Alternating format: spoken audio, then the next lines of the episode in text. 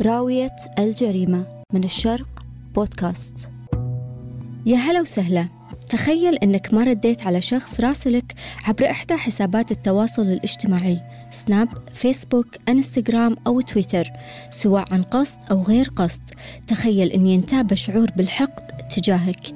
حقد يتطور إلى انتقام يعني الشعور تحول إلى فعل.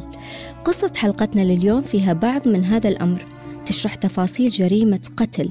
من بعض الأدلة اللي جمعت فيها أن رجل ما حصل رد على رسائله لإحدى الضحايا على إنستغرام وطبعا ربما في أسباب أخرى ما نعرفها لأن التحقيقات والمحاكمة لا زالت مستمرة.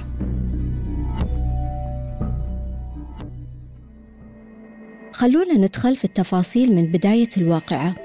شاب في أواخر العشرينات من عمره طالب دراسات عليا يدرس علم الإجرام ومساعد تدريس في إحدى الجامعات مشتبه به في جريمة قتل.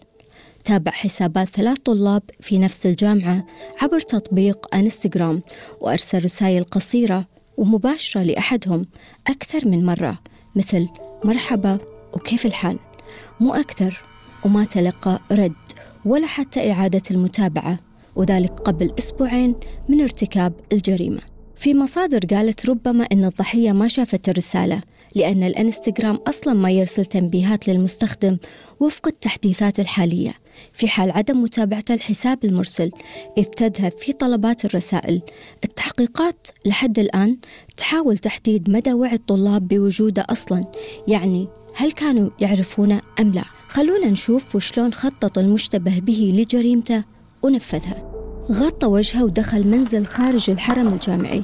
مستأجرة أربعة طلاب منهم ثلاثة من اللي يتابعونه على الإنستغرام. وطعنهم أثناء نومهم بالسكين حتى فارقوا الحياة. السلطات ألقت القبض عليه. بعد نحو شهر ونصف من ارتكاب جريمته. وفق شكوى جنائية تفيد بارتكاب الجريمة. التحقيقات ركزت على المشتبه به بعد تتبع ملكيته لسيارة شوهدت بالقرب من مسرح الجريمة وأيضا مطابقة حمض النووي مع الأدلة في مكان الجريمة. ووجهت له أربع تهم قتل من الدرجة الأولى بحق الطلاب وجريمة سطو واحدة. التحقيقات أيضا توصلت إلى أن المشتبه به لديه تاريخ نفسي سيء من التوصل إلى أن في أحد المنتديات على الإنترنت ذكر أنه يعاني من الاكتئاب وأنه يسوي كل شيء وما يحوش الندم إلا نادرا. لكن حتى الآن ما تعرفوا على دوافع ارتكاب الجريمة بالضبط. بعد ما انتهت القصة ودنا نتعرف على آرائكم ونطرح بعض الأسئلة. كم من الجرائم ترتكب بسبب رد أو تجاهل أو موقف أو رأي عبر مواقع التواصل الاجتماعي. هذا لو كان فعلا هو الدافع الحقيقي وراء ارتكاب قصة جريمة اليوم لأننا مثل ما ذكرنا لم تنتهي المحاكمة بعد. طبعا حنا ما عندنا إحصائية معينة لكن لا تستهينون بالموضوع. مرت علينا قصص اقتحام مجرمين لمنازل بعد متابعة يوميات أطفال البيت على إحدى حسابات التواصل.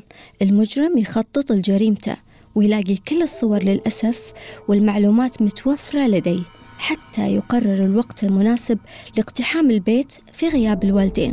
وأيضا شفنا وسمعنا عن سب وقذف في مواقع التواصل بسبب رأي مغاير أو صورة لم تعجب أحدهم حتى يصل الأمر إلى قاعات المحكمة وربما الحبس. ودنا نسألكم هل تشاركون يومياتكم الخاصة؟ يعني كل صغيرة وكبيرة مع العامة في السوشيال ميديا؟ أم أن ما تنشرونه لا يشكل إلا مساحة قليلة من مجمل يومكم؟ هل تثقون بأي شخص غريب يجرب التواصل معكم على السوشيال ميديا؟ ونقصد هنا أصحاب الحسابات الوهمية. هل مر عليكم موقف بأن أساء بحقكم أحد مستخدمي هالمواقع؟ وماذا كانت ردة فعلكم تجاه الإساءة؟ هل أبلغتم الجهات المختصة؟ إن كانت إساءة ليست بسيطة أم تم التجاهل؟ بالتأكيد مواقع التواصل يستخدمها الصالح والطالح مثل ما يقولون. لكن علينا أن نكون محتاطين عند استخدامها لأنها تدخل الآخرين إلى بيوتنا رغما عنا. وفي النهاية لا تنسون لو مرت عليكم قصة مشابهة من قصة حلقتنا لليوم ياريت تشاركونا فيها حتى يصبح هذا البودكاست أداة لنشر الوعي بين الناس وجعل المجتمع أكثر سلاما وأمنا وأمانا. ننتظر تعليقاتكم وقصصكم وألتقيكم الأسبوع المقبل مع قصة أخرى أكثر تشويقا نكتسب منها العبرة. فمان الله.